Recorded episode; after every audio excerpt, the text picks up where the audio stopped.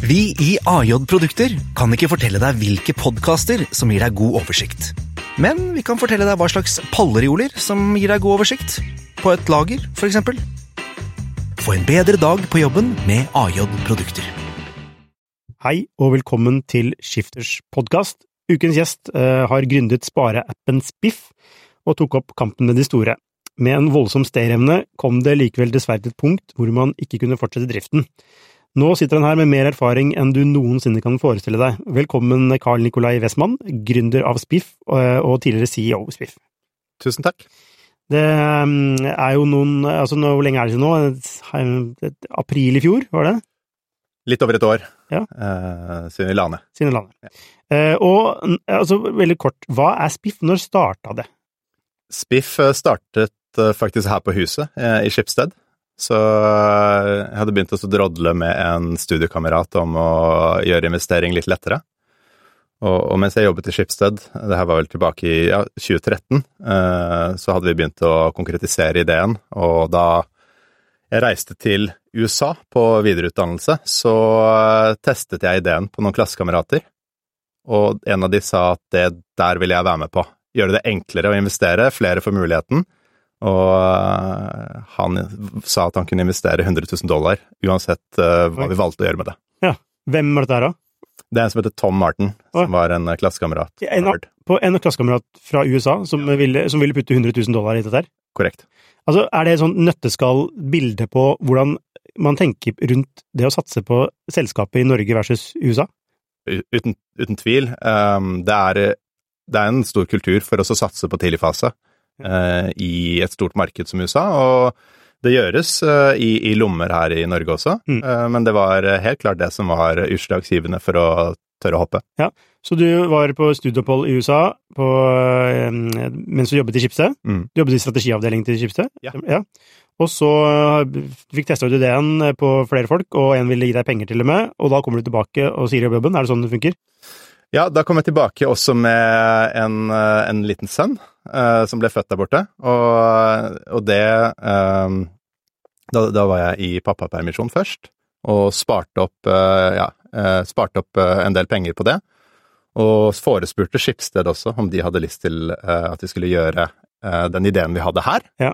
Men da de Det var ikke en strategisk prioritering, så da valgte vi også å slutte Mm. etter mm. Eller jeg valgte også å slutte etter pappapermisjon. Jeg husker, jeg husker jo det. Jeg husker den første appen deres, og den het ikke Spiff. Nå har jeg glemt hva den het. Lettspart. Det var det. Ja, lettspart.no. Um, I sin enkleste form så uh, lagde vi en nettside, lettspart.no, hvor man kunne uh, legge inn sin e-postadresse og være med på venteliste. Ja. Og, uh, og det, var det, det var det som var startskuddet da, for å begynne å bygge Spiff. Når var dette? 2015? 2014? 2015? Uh, slutten av 2014 så hadde vi Altså, jeg flyttet inn i Startup Lab november 2014. Ja. Og da, eh, da pitchet vi på noe sånn winter pitch party hos dem. Ja. Eh, Da pitchet vi hele ideen og alt, og det var vel kanskje første gang det ble oppdaget utenfor skal si, skrivebordet vårt. da. Ja, og da fikk du også med deg Hadde du med deg din eh, kompanjong Steve? Ja, Steve og jeg, vi, vi gikk på skole sammen på, på BI, og det var han og jeg som eh, hadde drodlet om det å gjøre investeringer enklere. Mm. Eh, Så, så han var fremdeles i, i DNB, eh, og jeg jobbet fra Startup Lab da ja, litt under det første, første året, da, Ja. før han joinet eh, etter sommeren 2015. Ja, jeg husker jeg møtte dere på Startup Lab eh, år 2016, tror jeg. Eh, da var var dere ute med et produkt da? Du begynte Nei. Nei. Og det er jo litt av det vi kanskje kommer tilbake til, men vi, eh, vi hadde frontend av produktet løst Mm. eh, i en første versjon. Og så handlet veldig mye om å sikre seg et partnerskap eh, med en bank Ja. i Norge. Eh, før PSD2, før Open Banking, før det var eh, opplyst og vedtatt at det kan være lurt med partnerskap. Mm. Så vi, vi eh, gikk rundene da hos alle bankene i landet. Ja, for det ville det vært umulig uten et partnerskap?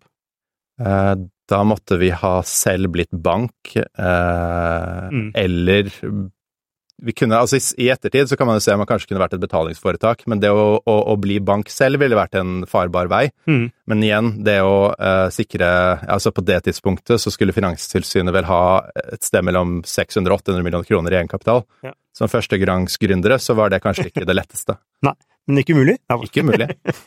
uh, ok, så uh, da skal dere prøve å få til et partnerskap med en bank, og får dere til det? I starten, så Eller svaret er nei. Eh, Det var ingen banker som ville jobbe med oss, og eh, det er mange i bank som bruker uttrykket høy og mørk. Mm. Og det var veldig mange i bank som sa at de ikke var høye og mørke, men det eneste de var, var akkurat det. Ja. Eh, nei, nei, nei. Eh, og skikkelig sånn her innovation theater. Mm. Men Mm. eh, det er også mange som jobber i bank som har, hadde sett de samme endringene vi så, og hadde Mm. lyst til dette. Ja. Så vi, vi ga ikke opp. Vi, vi banket på andre gang, tredje gang, og eh, spredte ordet rundt da lettspart og vår, vår filosofi eh, på eh, Vi brukte ti, en del tid på å pitche, for vi visste vi måtte få, få med noen banker. Mm. Og det var da eh, Randi Mariamas, som er sjef i eh, eh, Nordea. Norge Mm. eh, for personmarkedet der. Hun var sjef for Nordea Liv, altså livsforsikringsselskapet til Nordea i Norge. Og hun tok kontakt etter et event og, og i 2016 da, og sa at vi i Nordea Liv har noen utviklere i Bergen, i Fyllingsdalen, som eh, kunne tenke seg å prøve å se om vi kan få til noe her sammen. Ja. Og det, det, det var jo liksom startskuddet på, eh, på Spiff. Ja. Eh, når det ble, gikk fra egentlig en skrivebordsøvelse med frontend-app til å bli et reelt selskap. Mm. Og hva skjedde da, konkret? Vi eh, booket to møterom i Startup Lab. Eh, Det ene eh, var forbeholdt teknisk integrasjon med Nordea Livs kjernesystemer. Mm. Eh, Og det andre var de som i, de respektive selskapene som skulle jobbe med go to market, hvordan å få dette ut i markedet. Og det, det gjorde vi. Vi la en plan sammen for å integrere oss mot fondskontosystemet til Nordea, og det, det, det, det la vi, og så la vi en plan for å gå til markedet. Ja. Og jobbet etter det. Og hvordan, hvordan gikk det, da? Vi lyktes uh, med å integrere um, mot uh, er Liv, og det var veldig lærerikt for oss, fordi vi kunne ingenting om kjernesystemer. Mm. Uh, I bank er det eh, Altså, de hadde veldig koll på sine, eh, og det var eh, gode testmiljøer, det var egne eh, compliance KYC-løp som måtte oppfylles, Mm. eh, og vi fikk egentlig da ryddet opp i veldig mye av skal si, tankegodset vårt, eh, og fikk til en strukturert prosess, eh, og kom helt frem til en eh, pilot. Eh, og den piloten, hvis vi bare spoler Husker det når det var? Det var vel 20 Vi lyktes med å lansere pilot slutten av 2016, begynnelsen av 2017. Og da hadde vi integrert med en fondskonto, som er, har jo da et livsforsikringselement. Det er et ganske komplekst finansielt produkt Mm. i en spareapp som skal gjøre det enkelt for folk. Ja. Så vi hadde bygget opp en stor venteliste og lanserte det her live for eh, jeg lurer på om det var en 100 stykk som var med i den første piloten. Ja. Og hele formålet med, med Spiff det var jo å gjøre det enkelt å spare, og hovedessensen var å gjøre det enkelt å spare sammen. Mm. Fordi vi mente at hvis du delte et sparemål, så var det litt sånn som å trene med en, en venn, så er det lettere å nå målet sammen, da. Og når vi testet dette, så var det eh, absolutt ingen av de hundre eh, som ville invitere eh, sine venner eller familie til å dele en spareplan hvor det underliggende produktet var en fondskonto. Mm. Eh, For for mange er fremdeles det eh, noe som ikke de, de driver med hver dag. Det var komplekst, og det var med risiko. Ja. Eh, så da skjønte vi sammen med eh, Nordea Liv at vi må ha en sparekonto. Altså, det må bli enda enklere. Så den piloten var jo med å forme det, det som Spiff ble til som produkt, da. For det, man, man, man regner jo Altså, man tar jo noen sånne antakelser for gitt. Ja. Eh, som man Kunne man ha testa ut det i forkant? Mm. Ja, eh, det er, det er klart man kunne, man kunne vi, vi hadde veldig mye Vi brukte en metodikk som heter design thinking, Mm. eh, hvor man eh, pretotyper og, og tester konsepter både visuelt og med klikkbare prototyper. Mm. Men så er det noe Du får ikke testet reelt før folk putter penger i det. Og når folk putter penger i det, så fikk vi da første gang testet, da, er folk villige til å dele på en, eh, en, en sånn type risiko, da. Ja. Dele med en venn at dette er noe du bør investere i. Ja, Så da var det ikke Da måtte dere liksom opprette en slags sparekonto også, da, som ikke var basert på fond, var det sånn? Yes. Så dette er igjen eh, starten av 2017, så, og det var Vi ble kjempegodt mottatt også med det i Nordea. Vi sa vi trenger en sparekonto, og da var det jo fra Nordea Liv over til banken. Og Nordea Banken er jo et litt større dyr. Eh, hadde da hovedkontor i Stockholm eh, og venture-armen sin i København, og, og vi lyktes å bruke en, en tredjepart her i Norge til å eh, integrere mot det gamle kjernesystemet i Nordea og gå gjennom noe som, de, som heter Third Party Risk Assessment, yeah. som er altså deres vendor due diligence som man må gjennom. Yeah. Parallelt med det så eh, gikk vi opp løpet med Finanstilsynet og ble verdipapirforetak. Så da var vi liksom all hands on deck for å, å få dette ut i markedet. Og eh, utpå vårparten 2017 så var vel kanskje det som var første sånn ordentlig slag i trynet. Da, da, da, flytt, da, da eh, besluttet eh, Nordea Da hadde vi lyktes med å integrere mot banken. Mm. Vi sto relativt klare til å lansere i markedet i 2017. Og så eh, bestemte Nordea for å flytte hovedkontor til Finland. Det var én beslutning. Og den andre var å stoppe all nyutvikling på det gamle kjernesystemet vi hadde integrert mot. Eh, og, og selvfølgelig så kommer vi, sant, vi var sist i køen, det, det, det skjønner jeg jo, men da, da måtte vi ut og finne oss en ny bank. Ja. Eh, og det, det var Vi visste at vi ikke kunne lansere uten sparekonto, og da, da var det et ganske stort eh, tilbakeslag, da. Ja, altså det er vel Er det ikke det gründerlivet består av? Det er tilbakeslag som du må overkomme hele tiden. Altså det er Ja. Eller, ja. Det er eh, det, er det og eh, Hvordan takler du det da, når du får den der? Hva tenker du da? Altså Der og da så har du jo allerede tatt uh, en del forpliktelser på deg. Du har uh, allerede en del tusen som var på venteliste til å bli kunder. Uh, vi hadde etablerte partnerskap med Nordea. Vi, vi hadde investorer som hadde investert ganske mye penger. Mm. På det tidspunktet så var det vel allerede investert eh, 15 millioner kroner i, i selskapet. Ja. Og det, det som eh, vi ble bedre og bedre på, det var jo å gi dårlig eh, når, når det skjer eh, noe som ikke går etter planen, når, når det er en dårlig dag på jobb, Ja. det er å eh, være mye tydeligere og åpne på det overfor investorer, styre, eh, og med en gang ta de dårlige nyhetene, Ja. fordi da kan man få hjelp til å løse det. Mm. Eh, og det, det fikk vi til da. Eh, Da var det å eh, kaste seg rundt eh, og, og, og begynne på den samme bankrunden igjen til alle de som allerede hadde sagt nei. Og da fikk vi tak i eh, han som var leder i BN Bank. Ja.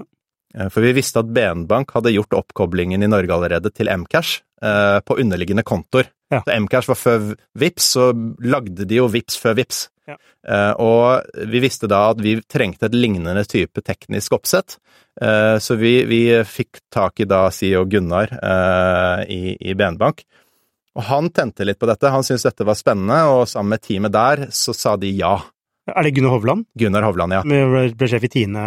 Som ble sjef i Tine, og som nå gikk ja. Mm. Yes. Ja. Um, Ja, Hvor, gikk han nå? Ja, det er ikke så veldig. Evini eller noe? Ja, okay, ja. Et, et, eh, Så han tok inn dere der? Han, han, har, eh, han hadde en, eh, en veldig tydelig innovasjonstankegang i organisasjonen, Ja. hvor det var eh, ikke så mange, men noen veldig få som jobbet med innovasjonsløpet til BN-bank i lys av ja, PC2, eh, neobanker, eh, hva er, hva er det BN-bank kan gjøre med dette? Altså, for det treffer jo litt på timingen. Ja. Altså, med PSD, altså, det var, den perioden så var det veldig sånn nå kommer PSD2, nå Yes. skal nå kommer utfordrerne og utfordrer bankene på Death by Thousand Cuts og så videre og så videre. Det var jo Alt.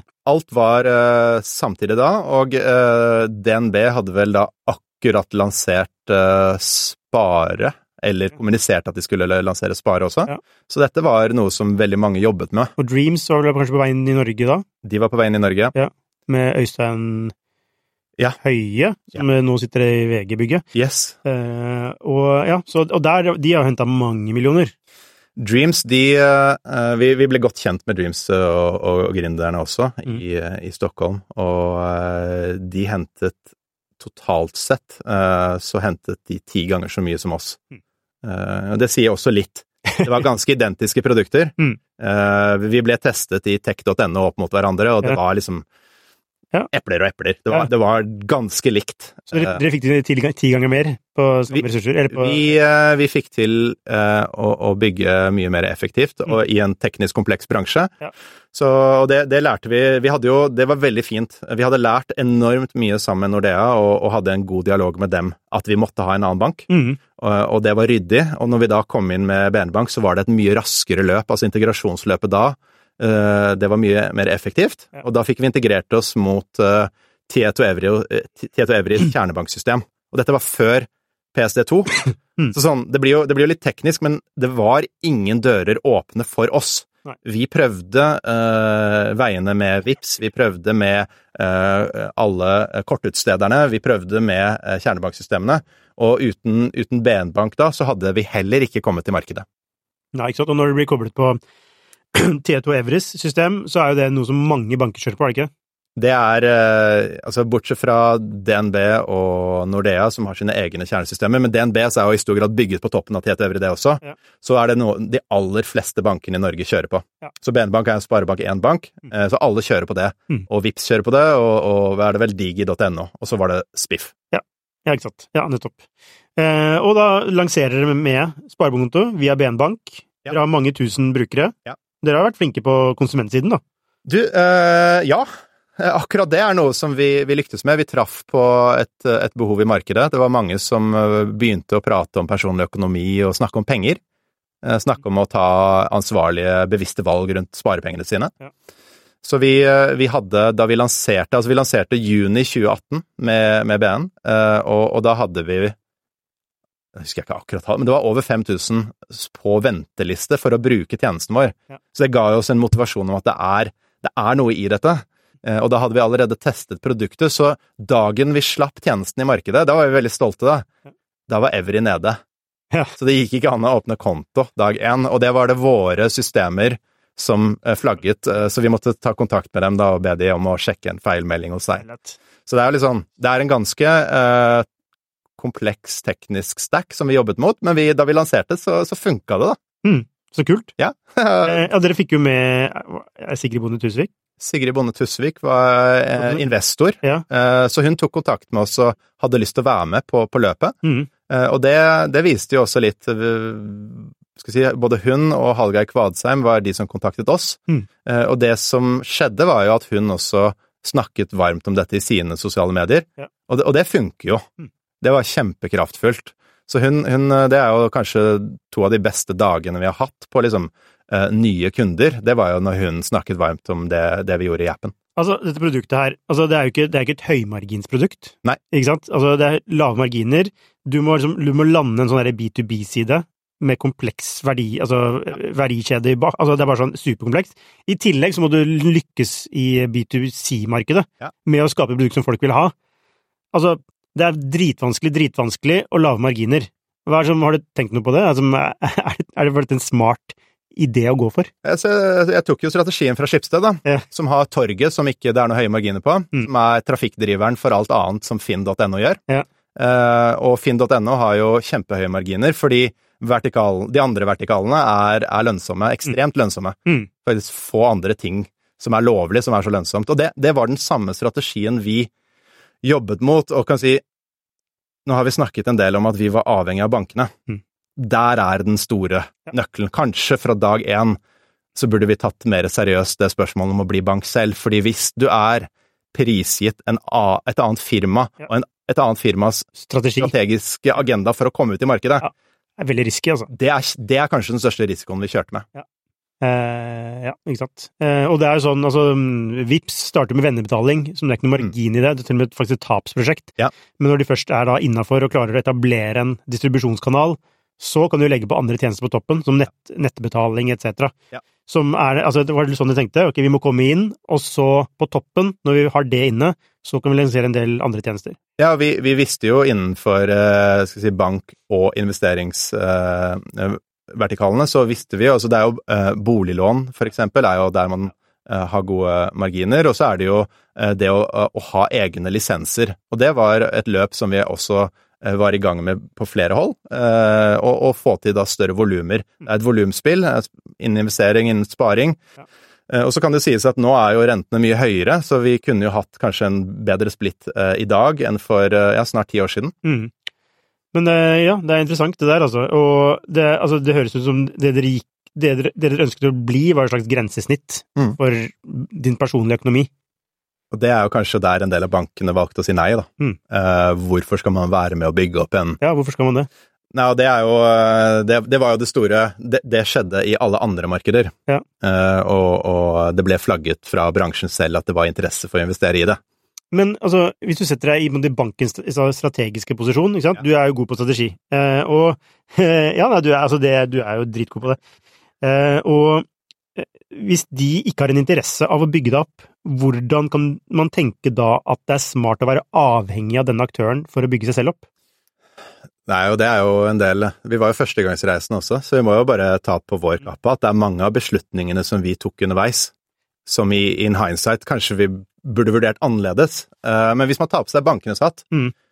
så er det jo litt som man har valgt å gjøre når andre deler av vertikalene blir utfordret. Ja. Vips velger, eh, eller DNB velger å ikke ha Apple Pay fordi eh, Apple Pay er i alles lommebøker på telefonene. Ja. Det er et strategisk valg da å ha et alternativ. Mm.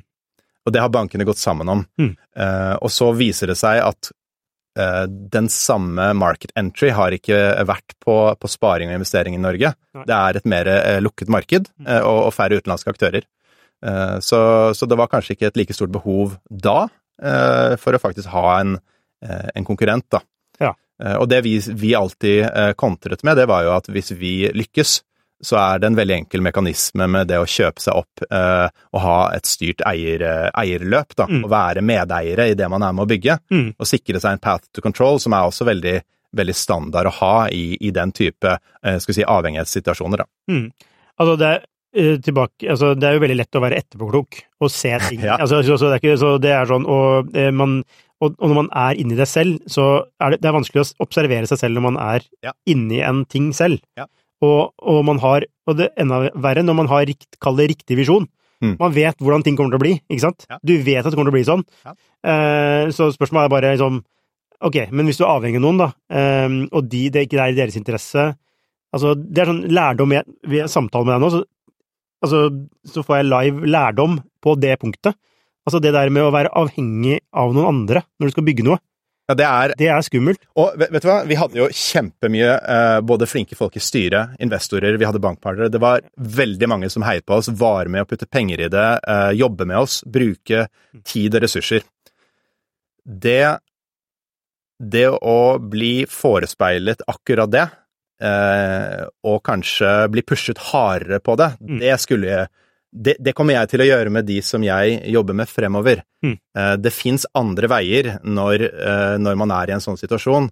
For det å være avhengig av noen for å lansere, det er for stor risiko. Mm. Eh, Jeg tror det fins andre veier, og det kunne være så enkelt som å faktisk lansere i et annet land. Det er, eller så enkelt, det er ikke enkelt det heller, men Nei. det fins andre veier som man skal gjøre uh, gründere innen tech-bransjen i Norge bevisst på Ja. at finnes, fordi der kanskje økosystemet ikke er klart for den type eh, Det kan være innen veldig mange bransjer, medisin, eh, utdanning, helse, altså proptech, hva enn det er. Ja. Det fins økosystemer rundt om i verden som er, har alle de eh, si, komponentene som trengs for å ta produkter til markedet. Ja.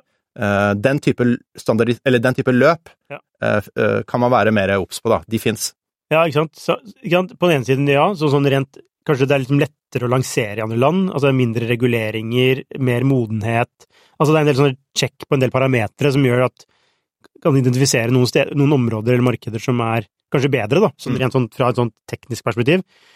Samtidig så er det jo den der, hvis du skal lansere i Finland, da, sant, eh, lokal forankring, alt det der, som er sånn Det er jo ikke, det er jo ikke bare bare. Sånn, Nei, nei, det er det ikke. Um, det som kanskje var mest Så vi, vi ønsket jo å bygge Spiff fra Norge og, og vise at det var mulig å bygge eh, finansteknologi og konkurrere med det Ja. som man så andre steder i verden. Ja. Det var litt av liksom, drivkraften bak, og det, det var veldig spennende å prøve å få til. Mm. Og, og det å være veldig sta på det, liksom for tredje runden, Ja. det, det er kanskje der man skal være litt obs, for å prøve å gjøre det samme om og om igjen. Um, når vi hadde fått lansert produktet vårt, Mm. det funket, Ja. Da var vi egentlig klare til å ta det neste skrittet inn i et stort marked. Mm. Eh, Det å komme til markedet i Norge, det er, kan være fornuftig, kan være verdt det, men så, eh, selv om vi hadde titusenvis av kunder som sparte, så sparte 342 millioner kroner i appen, Tenk på det. over 500 000 ganger sparte de, og de, hadde, de sparte med venner, med familie, og vi brukte ikke en krone på markedsføring. Mm. Eh, eller vi, vi, brukte 50, 50 000 eller noe på markedsføring, det var én helside i Norwegians Inflight Magazine. Oh, ja. Det var, Hvordan fant du ut at det var den beste måten å Nei, jeg hadde en dårlig dag på jobb, og det var en veldig god selger, og det var å kaste penger ut av vinduet. Ja. Eh, Men vi Altså, det, det, det fins altså, Når du har validert produktet, det å da teste mot et stort marked, tror jeg er noe som vi kan lære av uh, Altså Intec. Ja. Der du trenger volumer, så det, kan det være fornuftig å prøve Hva er Intec for noe? Hva? Intech? Nei. Tech innen, innen teknologi. Å ja, ja, Intech, ja. ja, Ja, er sorry. Intech er kanskje bare en ny forkortelse for en ny tech-bransje. Mm, ja, og, og, og langs, altså, få en validering og lansere stort i et annet større marked. Ja. Men eh, det, liksom, det, det strider litt mot den norske kulturen, altså den, det vi er vant til. Vi tenker jo litt sånn Vi tenker jo litt mindre her i Norge, føler jeg. I primærnæringene så er man kjempegode. Der er, der, der er det et etablert løp. Uh, man får uh, fisken opp fra, fra, fra havet eller fra oppdrettsanleggene. Man har uh, flyruter med også nasjonalt backede fly, der logistikken er på plass. Og så har man eh, salgs- og distribusjonskontorer i, i hele verden. Fisken kommer til markedet i Tokyo, og det er under tolv timer etter at den er fisket. Og det samme gjelder for eh, energi. Eh, Der er, der er det kontorer i Houston og Singapore for å dekke markedene. Ja. Og det er jo litt sånn man kan lære at vi Men kan vi lære fra sånne primær- og råvarenæringer Ja. til eh, altså kall det hva er det vi har for noe? Tjeneste? Tech? Ja. Kall det tech, da. Fordi det er norske eh, Og ikke bare norske, men alle som jobber fra Norge. Norge er et veldig godt sted å starte. Ja. Er veldig mye flinke mennesker. Det er flinke, gode teknologimiljøer eh, rundt universitetene, og det begynner å være ganske mye investorer som er villige til å putte penger på bordet i starten. Det samme gjør staten. Ja. Men så er det den neste fasen. Eh, Når du trenger da for å konkurrere i et stort marked, så trenger du ikke 7 millioner kroner. Du trenger 50 for å komme i gang. Mm. Eh, og da den reisen, den er ganske den, Det er et stort gap. Og hvis man tenker da på tech, norske tech-selskaper, som en eksportvare, på lik linje som laks, Ja. da trengs det et mottaksapparat i eh, kanskje noen av de utvalgte store markedene, da. Mm. Være seg, det kan være seg Frankrike, Tyskland, USA, kan være seg i eh, Sørøst-Asia. Vi har jo store selskaper som kunne bidratt sammen med staten her. Eh, For det, det svenskene gjør, de har jo et eget, eh, en egen løype med tidligere svenske gründere som bor i Silicon Valley. Jo, men ikke sant? Sånn. Ja, men det er akkurat det som er det, er det vi mangler i Norge, føler jeg. Vi har liksom ikke de store tech-selskapene. Nei, vi har ikke det. Som eh, hvor, hvor altså, de, altså, de fremtidige gründerne har gått i lære.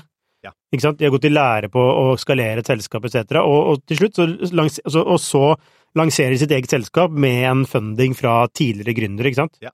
Altså den, der, den mekanismen der føler jeg liksom Jeg vet ikke hvilke, hvilke norske selskaper har lykkes sinnssykt i utlandet?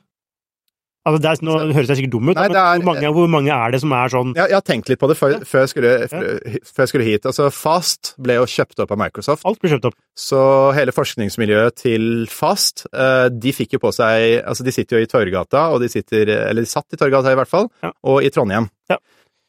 Det eneste jeg kan tenke Sorry. Ja, Mm. og, og det samme er eh, man, man har sett opera ble jo eh, skal si, stykket opp og delt. eh, er ikke lenger i norsk eie. Kahoot, det skjer mye lignende der nå. Mm. Og da er det ikke så mange. Men nå ser vi at det er en, ny generasjon med uredde gründere som velger å reise ut åkkesom. Ja. Jeg eh, tror vi må eh, løfte de frem. Og sikre at de også tar del i neste fase av verdiskapningen i norske tekstselskaper. tekstselskaper. Men tenker du at det er statens ansvar, eller hva tenker du at det må bare skje?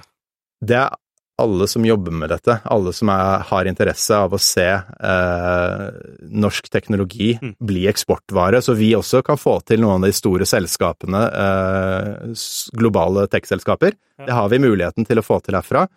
Så, hvem sitt ansvar det er? Jeg tror det er alle i verdikjeden. Eh, ta et eksempel. Men, så- ja. for det, Svenskene har jo ikke fått dette eh, svenske Innovasjon Norge.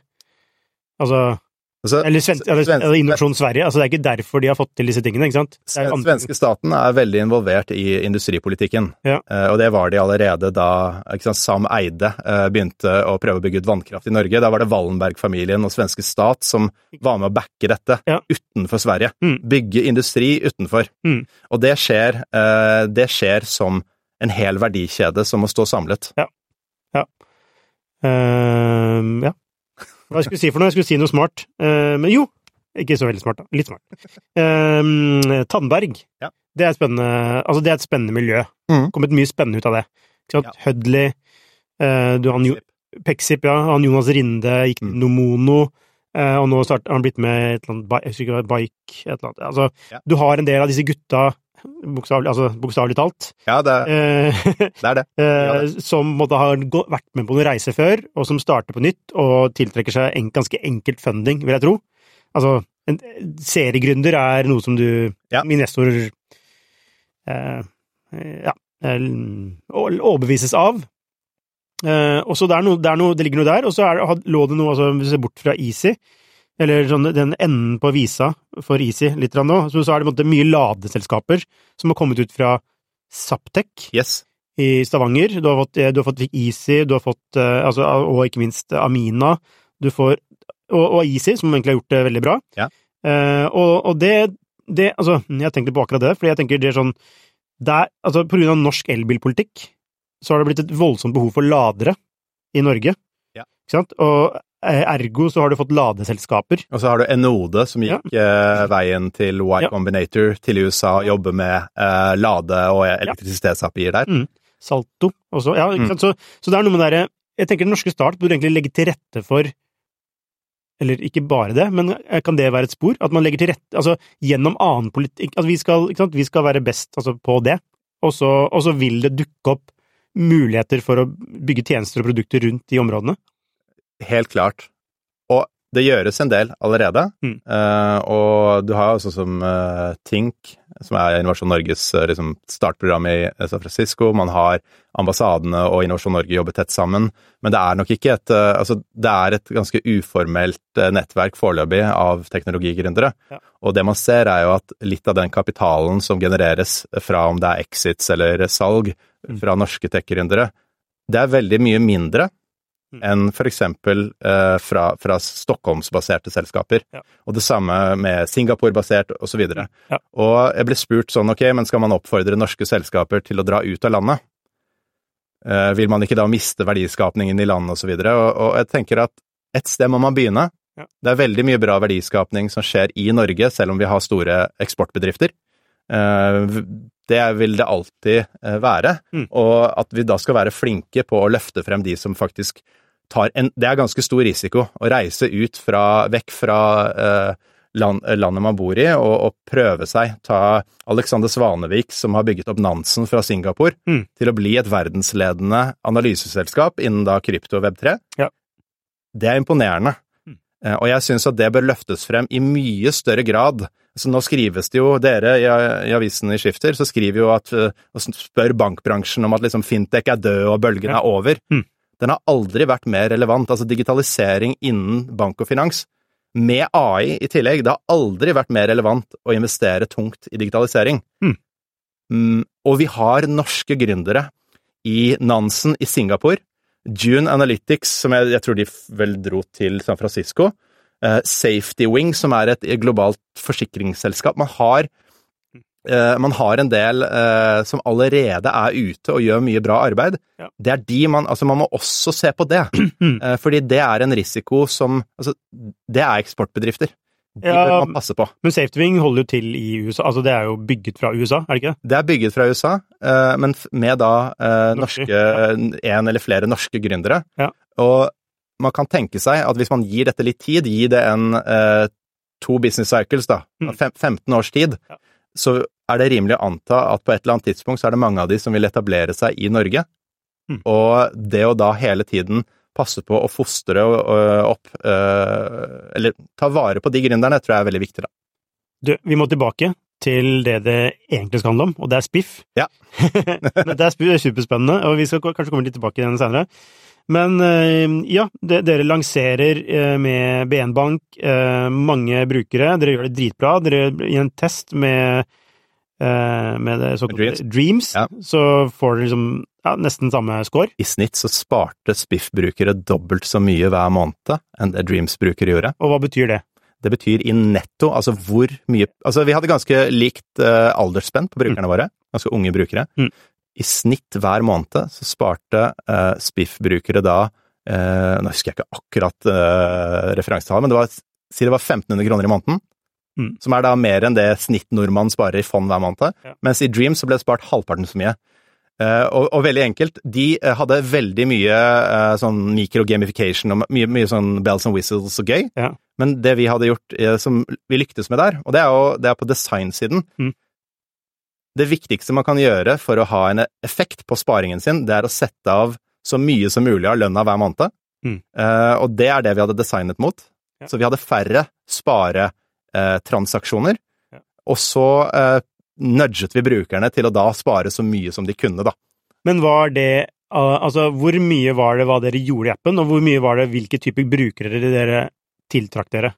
Jeg vil si det er 100% hva vi gjorde i appen. Det viktigste vi gjorde eksempelvis, det var også å få på plass uh, recurring save, altså uh, månedlig sparing som en Ja. teknologikomponent. Mm, ja. Og det vi pushet på toppen når du skulle starte en ny spareplan, Mm. det var å spare månedlig til en buffer, Ja. og spare månedlig til de store tingene i livet. Men du, det, det jeg ikke har skjønt helt med SIF, det er Altså, jeg har jo en eh, bankkonto i dag, og i, på bankkontoen min så kan jeg sette opp en bankkonto til, eller sånn i min, min bank kan jeg sette opp en ekstra bankkonto som jeg kaller for sparekonto, Ja. og så kan jeg sette opp at jeg, hver måned så trek, når jeg får lønn, så trekker jeg 4000 kroner over til den. Ja. Altså, hvorfor trenger jeg da Spiff? Altså, det er jo veldig enkelt. Det er ikke alle som er flinke til å spare. Det er ikke alle som har den vanen. Nei. Og vi kalte det en sparemuskel. Man må trene sparemuskelen sin. Men er det ikke automatisk? Altså, det er automatisk, er det ikke det? Bare sette opp en sånn spareautomasjon? Så du sier at alle som er Altså, vi, våre snittbrukere var Ja, de var eh, 29 og et halvt år gamle. Ja. Så da sier man at de aller fleste eh, på den alderen har eh, en, en veldig ryddig økonomi og sparer, 4, eller sparer eh, samme prosentandel av lønna hver måned. Sånn er det ikke. Nei, nei. Eh, det er de som er eh, Det er noen mennesker som er mer strukturert enn andre i privatøkonomi. Mm. Og, og det, det vi ser, det som er litt moro med den eh, Vi gjorde sparing til noe som var litt gøy. Og, og det å gjøre det morsomt å spare penger, det er det ikke å gå og opprette en ny konto. Eh, altså, da er man spesielt interessert, da. Jeg var veldig spesielt interessert. Så, så det er jo et uh, mye mer engasjerende brukergrensesnitt på Ja. toppen av uh, en- egentlig ganske kjedelig bankverden, da. Ja, og for å bare komme med motargumentet der, så altså, det er, nei, det, du har helt rett, det er ikke noe engasjerende og at det spares automatisk, men det er bare effektivt. Det funker. Så trenger det å være Hva er grunnen til at det må være engasjerende? Altså i um, Kan du spørre staten, da, rundt om i verden. Land. For uh, land er det viktig å ha at folk har en sparerate og en buffer. Uh, folk sparte opp når det var lave renter under pandemien, det ble oppfordret til det, og det finnes jo statlige insentiver som egentlig eh, er et motargument til det du sier. Ja. BSU er en eh, skatteinsentivert liksom sparegimmick. Ja. Hvorfor trenger man det? Nei, det er jo for å få folk i gang, da. Ja, ja. Um, jeg, tror, jeg tror det er så enkelt å få folk i gang, og jeg tror med, med smart bruk av design og teknologi, Mm. så, så er den dørterskelen litt lavere, og man kan få litt flere i gang. ja og det, en ting er hva jeg tenker og hva jeg gjør, en annen ting er hva 99% gjør. Ja, De aller fleste har egentlig nok med, med alt annet i livet sitt. Ja. Jobb og venner og familie, og, og det er Slipper heldigvis jeg, da.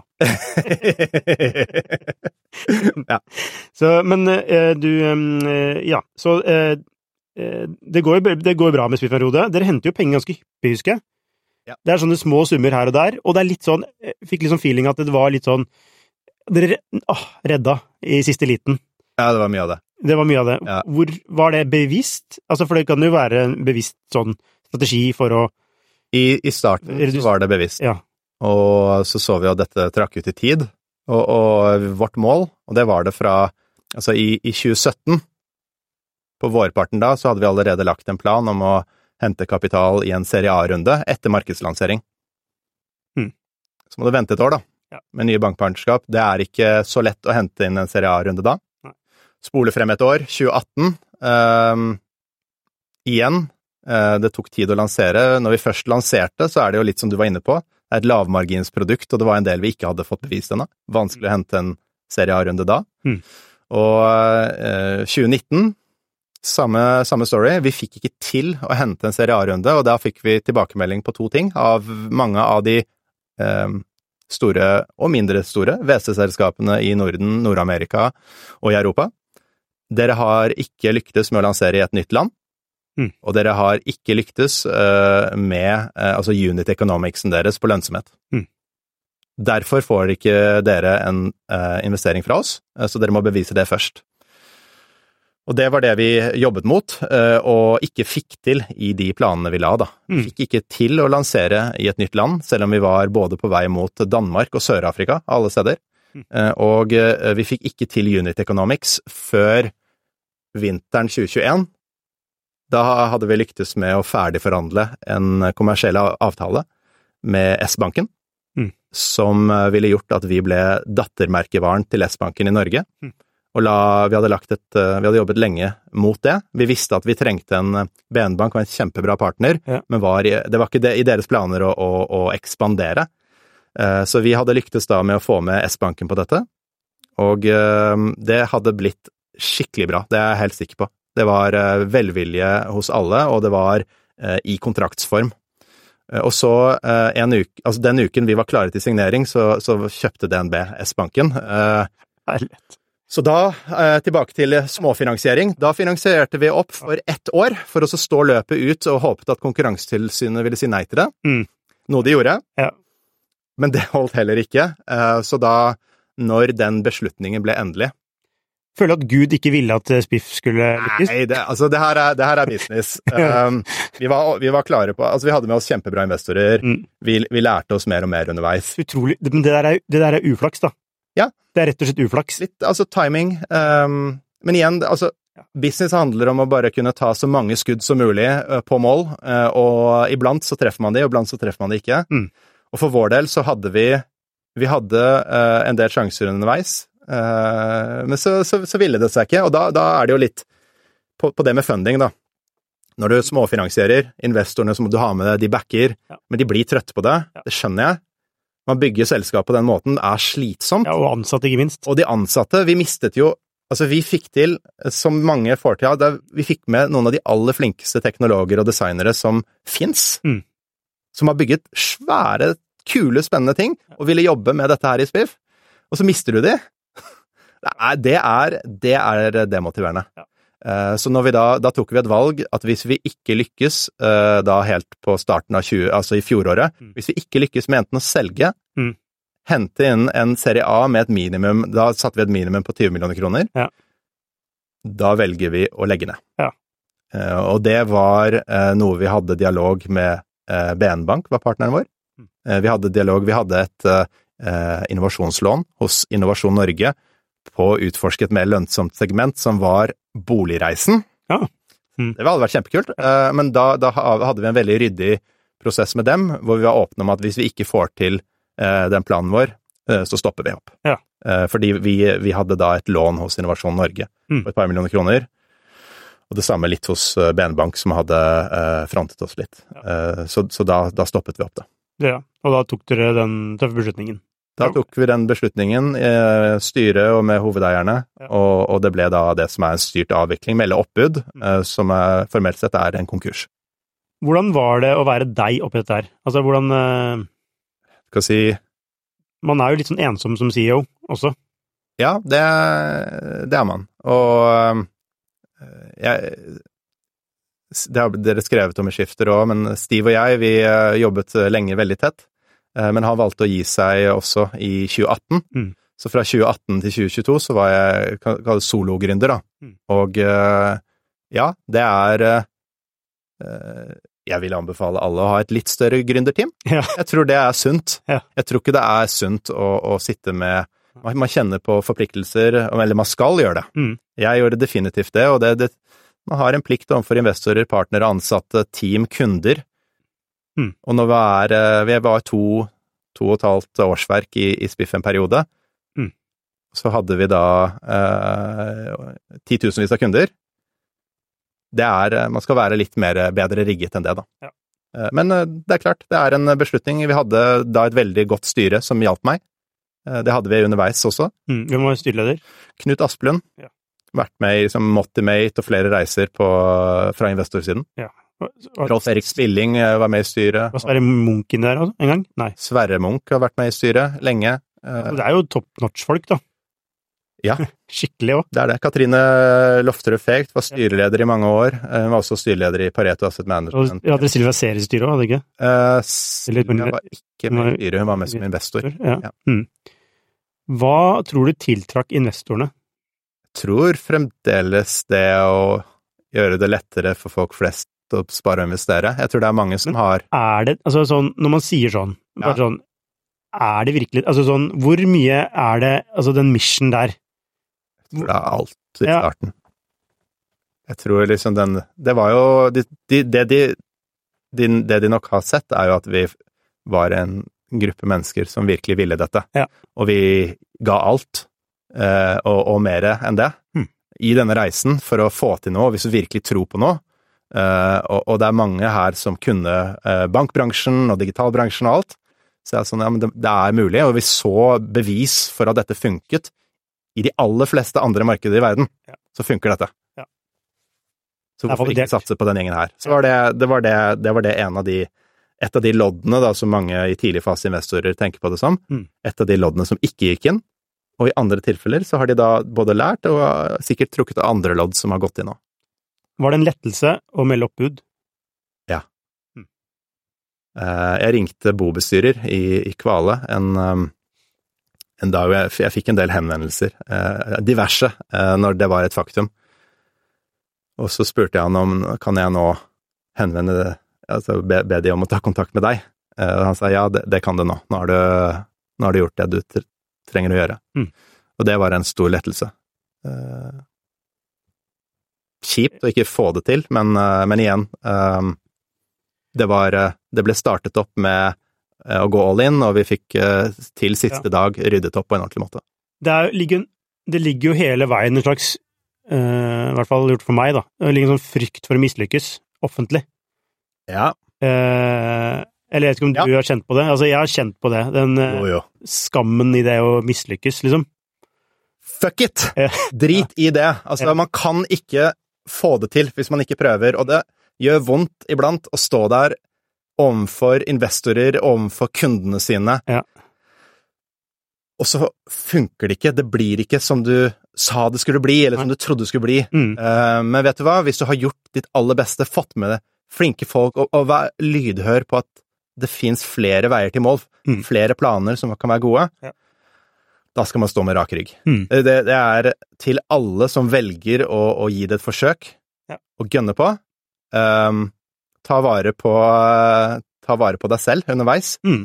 Pass på å gründe sammen med andre som, kan, eh, som man kan stå eh, skal si, i motbakke sammen, for det er nesten all virksomhetsetablering, uansett bransje, er blytung. Stå i det sammen med noen andre som er villig til å stå løpet ut. Og det er litt sånn Så nei, det er den, den, kall det den, den skammen, eller det å Ja. man, må, man må tenke at det er veldig få som faktisk prøver in the first place. Og det er sånn, har jeg også innsett, eh, er, er at hvis man eh, Hvem er det du er redd for? Hvem sin kritikk er du redd for? Altså, de som faktisk har lykkes, har en enorm respekt. Ikke sant? Altså, Ja. de fleste har enorm respekt for det du har gjort, uansett om du lykkes eller ikke. Ja. Ikke sant? Det er de du skal høre på, de som faktisk har gjort det. Og så vil det være noen som er sånn, ja, hva var det jeg sa, eh, så, sånn, Glem de. Sant? Ja, de betyr Ja, ingenting. ingenting. Altså, du har, de, har ikke, de har ikke en sånn De har ikke en plass til å Men- mene noe. Men vet, vet du hva? Mm. I, uh, jeg har hatt et motto i livet å samle på bra mennesker. Jeg har møtt utrolig mye fine mennesker underveis. Jeg er veldig glad i hva folk holder på med, og hvem de er. Og, og underveis så er det jo det å ha nye relasjoner til nye mennesker som man jobber med. eh, Det går opp og ned. Og det å tørre å, å stå i det åpent og, og ærlig underveis, som at egentlig sånn Det er en liten verden man treffer de menneskene igjen. Mm. Og det vil jeg si. At det var eh, kanskje en av de største overraskelsene etter å ha lagt ned selskapene, det å ta opp den telefonen, eller å sende en melding, eller Mm. få en hyggelig eh, melding tilbake om eh, å ta en prat eller en kaffe, eller hva det skulle være. Det er utrolig mye fine mennesker der ute, Mm. og de eh, skal man ta vare på. Og, og jeg har hatt enorm glede av at mange som jeg har jobbet med i Spiff-løpet, eh, nå også eh, tar kontakt og har lyst til å ha en relasjon videre, da. Ja. Og det sier, tror jeg sier noe om at det er, det er rom for å være seg selv og, og tørre å stå i det også. Ja. Nei, til alle som prøver. Altså, jeg hyller alle eh, som Altså, det er, det er mot. Altså, det er modig å gjøre det. Det er så mange som snakker om at de har, har lyst til å prøve det og satse og så videre. Og så er det de som faktisk gjør det, og det har jeg skikkelig respekt for, altså. Uansett hvor Altså, ja. Enig. Det er uh... Uansett hvordan det måtte gå, så er det, er det Men det er den ene siden? Hvordan, din, altså hvordan, andre, hvordan andre oppfatter deg, etc., hvordan du, man er bekymra for det. Men det andre, andre altså, um, aspektet er jo at man lærer er en enorm utviklingsreise. Ja. Altså, du, du kan jo ikke lære dette på skolebenken. Altså, jeg pleier å si bare sånn Hvordan kan man ha led... Altså, på, på BI, da, eller på NHH, altså sånn Hvordan kan man ha ledelse som et fag? Sånn uten å Altså, jeg vet ikke. Jeg bare føler at det er, det er noe med å lære Altså, det er noen, du, noen ting du bare må gjøre for å lære det. Det går ikke an å lære dette på skolebenken. Jeg, jeg har gått ganske lenge på skole, Mm. og det Altså, du har, du har studert strategi på Harvard, liksom. Ja. Vi hadde, vi hadde vel en hu- Jeg var, det var 100 case-studier av selskaper med forskjellige planer og strategier og simuleringer, og jeg hadde dette også på BI, jobbet i, jobbet i bank lenge. Men du, du står der da med skitt under neglene, og systemet har krasjet, og det er to stykker som ikke tok jobben du trodde du skulle være med i teamet, og det er liksom Hvilken side står det på i, i læreboka, liksom? Hva du gjør da? Det, det står ikke. Det står ikke. Det må du lære selv. Det er eh, erfaringsbasert, og så må ta med den, den læringen fra, fra de reisene man har vært på, eh, og eh, samle på det gode. Hva er det som har vært bra, og gå videre med det. Eh, og så prøve å luke bort kanskje noen av de, de vurdering... Den måten man gjør vurderinger på som ikke funker, da. Er det noe rundt det som du har tenkt på? Altså måten du gjør vurderinger på, som du har lært? Eh, absolutt. Eh, jeg jeg syns det har vært skikkelig moro. Det er litt sånn og når, når det går trått, så er det sånn ok, men den Det er veldig få andre som får erfare det jeg erfarte underveis. Og si noen av hovedlæringene kan ta det ene, det å være Jeg tror det kjennetegner ganske mange som vil gründe. De er kanskje litt egenrådige. De har lyst til å få det til på koste hva det koste vil. Jeg vet jeg har eh, fått noen råd underveis, eller noen som har prøvd å si ifra at kanskje eh, ta imot råd tidlig. Mm. Um, jeg tror det Hvilke, hvilke råd Altså, mange som har råd, da. Ja, Ja. vet du hva, det var, det var feilformulert. Altså, det å, det å tørre å, å ta inn et større team rundt seg Ja. og dele på reisen, det er det jeg prøver å si. Kontrollen. Eh, Jeg var sta, jeg var veldig sta og hadde lyst til å få det til på min måte. Mm. Eh, Og det, det var Det ble en utfordring internt i selskapet iblant, og det ble en utfordring også når det ble møtt med eh, kanskje tilbud fra tredjeparter, som kom med interessante tilbud for selskapet.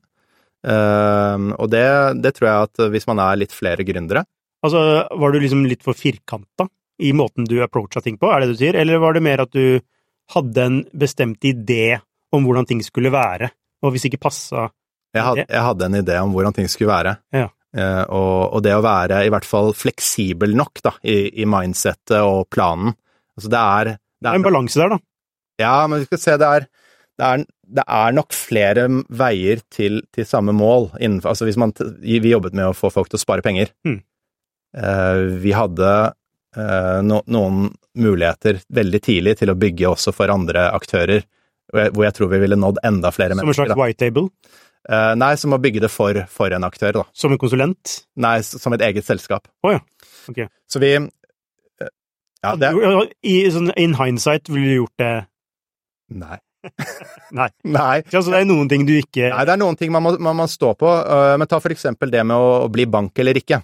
Mm. Eh, da, var, eh, da var vi en eh, liten gruppe som mente at det ville bli en eh, for, skal vi si, en reise vi ikke kom til å få til. Mm. Men hvis vi hadde virkelig prøvd, Ja. ja, da tror jeg kanskje vi ville fått til det også. Altså, Aprilia ble en bank. De ble en bank. ja, Så det er jo Og, og det Altså, det er jo Da har du jo Da, da har du jo selvstendig Da har du på en måte autonomi. Ja. Altså til å kunne gjøre det du skal gjøre. Du er ikke avhengig av andre for å få til noe. Sant? Fokuser på de tingene du har kontroll på. Skal si, Det er på rammebetingelser, og så var det første gang jeg var ordentlig leder for team. Jeg rekrutterte team og fikk med fantastisk flinke folk. Mm. Eh, Og det å åpne opp litt og, og dele kontroll eh, med folk man jobber sammen med, det var jeg nok ikke så flink til eh, alltid. Og det, det gjorde jo at folk kanskje ble Kanskje ikke var li, like invested, da, Mm. som det, det jeg var, og man fikk et lite gap på sånne ting. Ja. Det å ta med, virkelig gjøre de man får med på reisen, eh, fullverdig eh, gründer, i gründerteamet. Det tror jeg er veldig viktig. Og, og når, man først, når folk tar den risikoen og blir med på noe, så tørre å dele på det. Ja, ikke sant? Fordi altså, det, det, er ikke noe vei utenom hvis du skal skalere det. Nei. Ikke sant? Så, eller så blir du en propp i systemet Ja. som skal mene noe om alt. Ja. Så det er egentlig ikke noe vei utenom. Samtidig så er det veldig krevende når du har en sterk visjon som gründer på hvordan ting altså, skal bli, og hvordan ting skal gjøres, og så videre, og gi den Altså, for det du, du, det du gir bort, er kontroll, og du lar andre være med å forme din visjon. Og så ble vi jo kanskje litt hengt opp i eh, altså, visjonen fremfor eh, eh, Altså, vi, vi fikk jo tilbakemeldinger om eh, monetization, da. Ja. Altså, unit economics på det vi solgte, det var ikke bra, og vi måtte endre på det. Det visste vi jo. Og vi var vel da kanskje litt naive i vår tro, eh, og hadde jo lært dette fra flere store selskaper. Vokse først, så bygge vertikaler. Ja. Vi visste at vi måtte jobbe med dette, og hvis vi hadde satt uh, monetization på toppen av agendaen i eh, 2017 før vi lanserte, Mm. altså virkelig på toppen av agendaen, da hadde, eh, hadde reisen mest sannsynlig sett litt annerledes ut.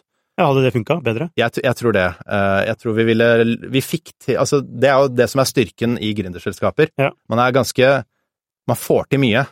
Man får til enormt mye, og, hvis, eh, og det å ha fokus på de rette tingene, Ja. ha folk rundt seg som, som kan hjelpe til å synliggjøre hva er rett fokus Ja. nå, i den fasen dere er i. Ja. Eh, ikke sant? Jeg nevnte at vi fikk ikke til serie A etter 2017 Mm. på grunn av én, dere var ikke et nytt land, to, manglende monetization. Ja. Ok, det burde vært de to øverste prioriteringene, og så jobbet vi, ikke sant, vi var jo veldig på brukervekst og den biten, Mm. brukervekst og partnerskap. Ja.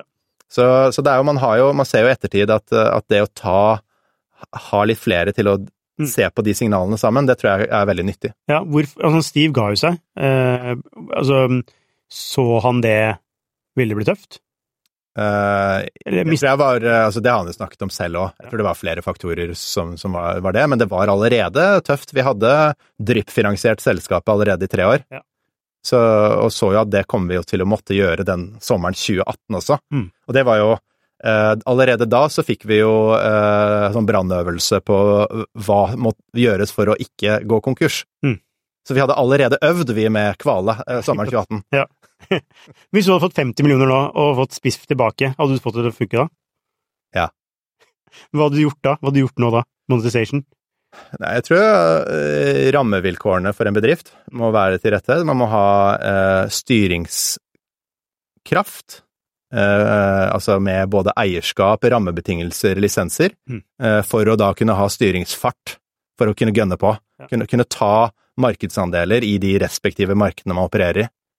Mm. Eh, jeg har mer tro på Spiff nå enn noen gang, eh, og så er det også en personlig beslutning at eh, vi la den ned i fjor, Mm. eh, og så gå videre i livet og ta med seg all den læringen i, i det som jeg holder på med fremover, og, og det Men jeg tror absolutt vi Det skulle vi få til. Er det andre ting du har som du, altså, som du har lært, som du bruker i dag?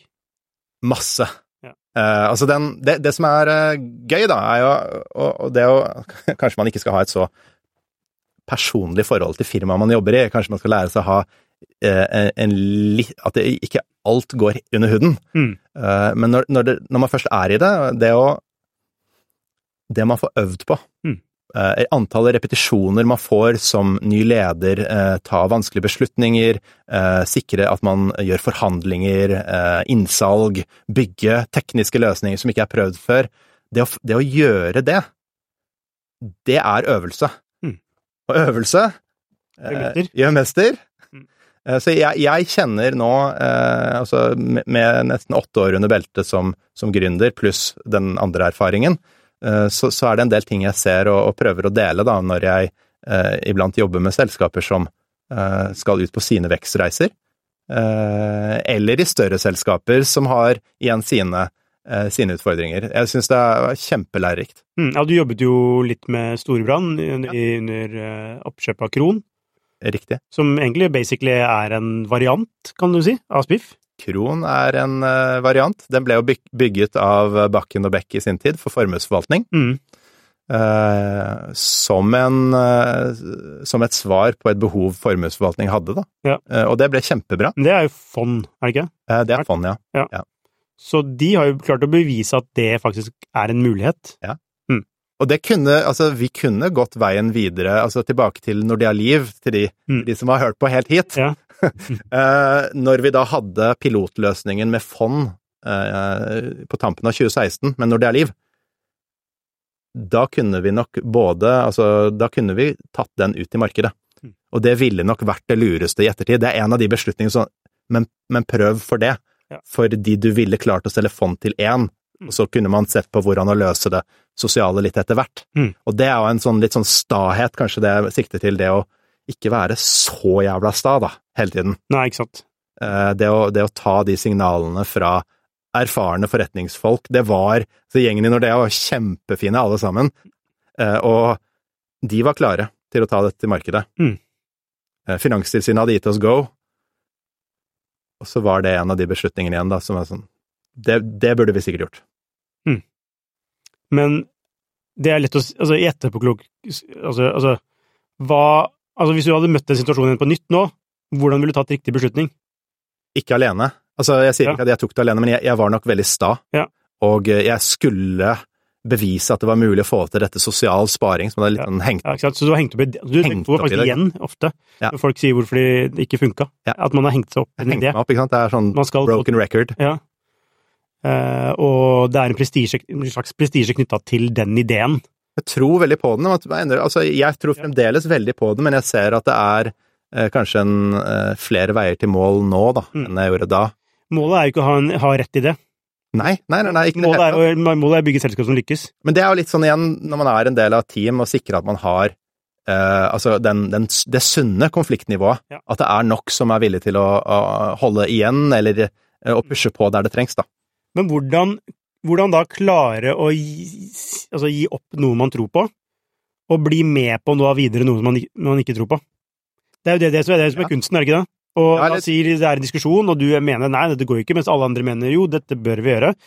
Og så må du da, da må du, en, da må du snu fra ditt perspektiv til å jobbe alt du kan for det andre perspektivet som du egentlig ikke tror på. Hvordan, Ja, eller det, er, det, er ikke, det er ikke nødvendigvis, nødvendigvis så, så svart-hvitt, men det er jo litt det å ha et mindset som, eh, hvor man kan lære sammen, Mm. Og tørre å utfordre også sine egne um, altså convictions, nå husker jeg ikke hva det heter på norsk, men det man- Ja. oppfatninger, det man tror på, og være villig til å justere det underveis. Ja. Og jeg tror det, det å, å, å klare det, det tror jeg er kjempeviktig, fordi uh, det er uh, Og det, det tror jeg også går som en liten oppfordring til alle som jobber sammen med gründere. Mm. Push litt hardere. Altså hvis du selv som investor tror at gründeren gjør noe som ikke er riktig, push enda litt hardere. Mm. Det tåler vi. Ja. Altså, dette er et råd til investorer. Yes, Ja. investorer eller partnere, og det kan hende at en gründer trenger å våkne opp litt iblant. Kanskje de har hengt seg opp. Mm. Eh, la, la, de, la de få høre det, eh, fordi de fleste er- har lyst til å lykkes med dette. Vi skal avslutte nå snart. Eh, Hva, altså, vi skal liksom oppsummere noen råd til gründere, da. Altså, hva er det du Altså, gründere som kommer etter, etter deg i løypa, hva er det, hva, altså, hvilke råd ville du gitt deg selv som gründer for eh, syv-åtte år siden?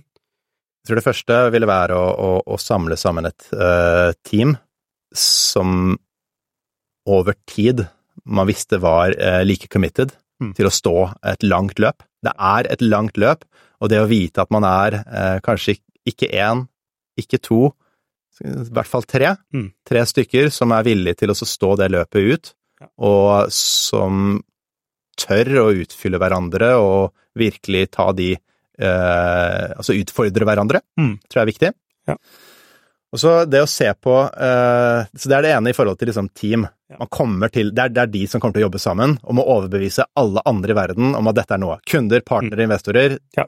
Du må bevise deg. Det andre, eh, og det tror jeg litt går på det å ha et litt mer eh, kynisk syn på den industrien, den bransjen man går inn i. Ja.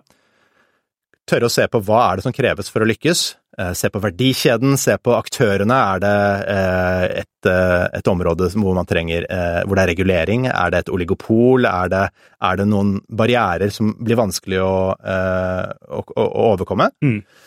Så, så man må virkelig gjøre en, en grundig analyse av det markedet man skal gå inn i, og se på hva er nøkkelsuksesskriteriene. Mm. Og hvis det er utfordrende kriterier, så må man ha landet de rammebetingelsene, eller i hvert fall en klar plan for å nå de, Mm. før man setter i gang. Gjorde ikke dere det med Spiff? Jeg tror ikke vi hadde en god nok tilnærming til hvor avhengig vi ville være av banker i Norge for markedaccess. Nei. Kunne dere avdekket det i forkant? Eh, Vi hadde avdekket det, og eh, fikk jo til partnerskap til slutt, så vi regnet med at det også ville løse seg når vi vokste og fikk til en, en viss brukermasse. Ja. Mm. Og så trodde vi nok at vi hadde et uh, for, en forhand... Vi, had- vi trodde vi hadde en forhandlingsposisjon. Ja. Altså sånn en eller annen posisjon. Ja. Det hadde vi ikke. Nei. Vi hadde ingen forhandlingsposisjon. Nei. Ingen. Nei, ikke sant. Fordi man, man, man tenker liksom at bankene må jo Ja. jobbe med startups. Ja, Nei, det er ingen som, ingen som trengte oss. Nei, ingen som bryr seg. Whatever, liksom. Uh, ja, nei, det, det er en um, Også, Men på den tiden så var det jo også altså, Det var veldig sånn. Én ting, en ting som er, som er viktig, og det er på risiko og risikohåndtering. En ting som vi gjorde bra, Uh, vi visste fra dag én at det var en mulighet som et oppstartsselskap. Uh, 19 av 20 overlever ikke. Mm. Hva skjer med kundenes penger hvis vi går konkurs? Ja. Uh, vi fikk mange tilbud eh, i partnerskap, Techstacks osv. til å ikke levere på dette, Mm. men vi visste for å sove godt om natten at pe pengene måtte uh, gå tilbake til kundene som hadde spart. Ja. Partnerskapet var jo sånn sett også en risikohåndtering. Mm. Uh, det var alle kundene i Spiff. Mm.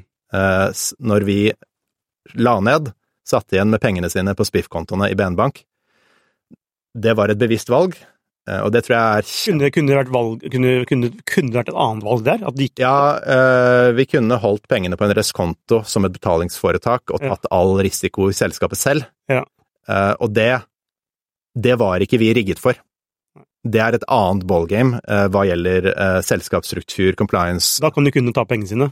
Da ville kundene tapt penger. Ja, Kunne er- tape pengene sine. Og det er jo ikke noe bra innsalg når du skal få kunden inn. Absolutt ikke.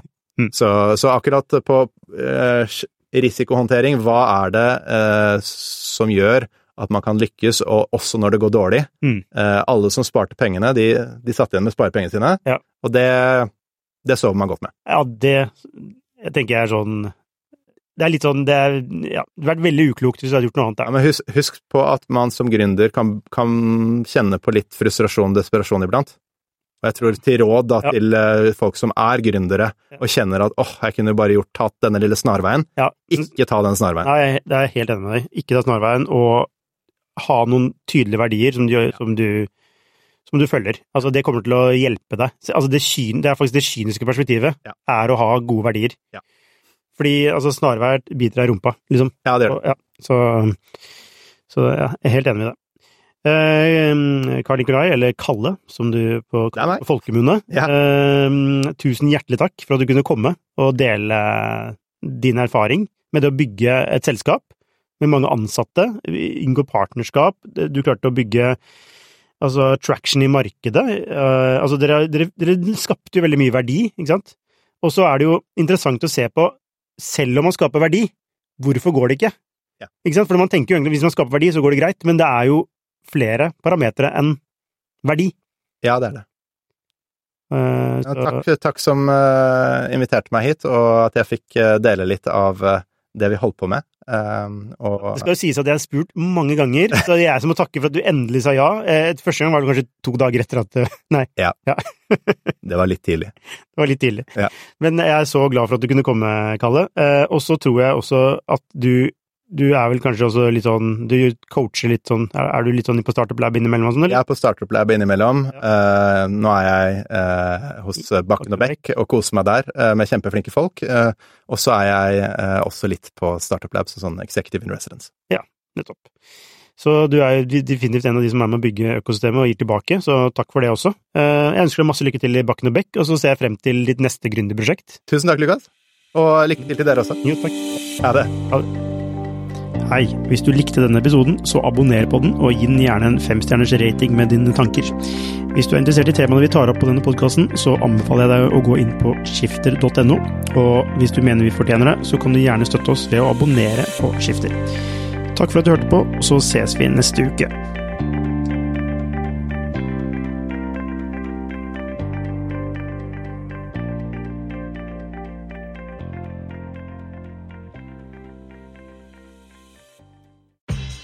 Vi i AJ Produkter kan ikke fortelle deg hvilke podkaster som gir deg god oversikt. Men vi kan fortelle deg hva slags pallerioler som gir deg god oversikt. På et lager, eksempel. Få en bedre dag på jobben med AJ Produkter.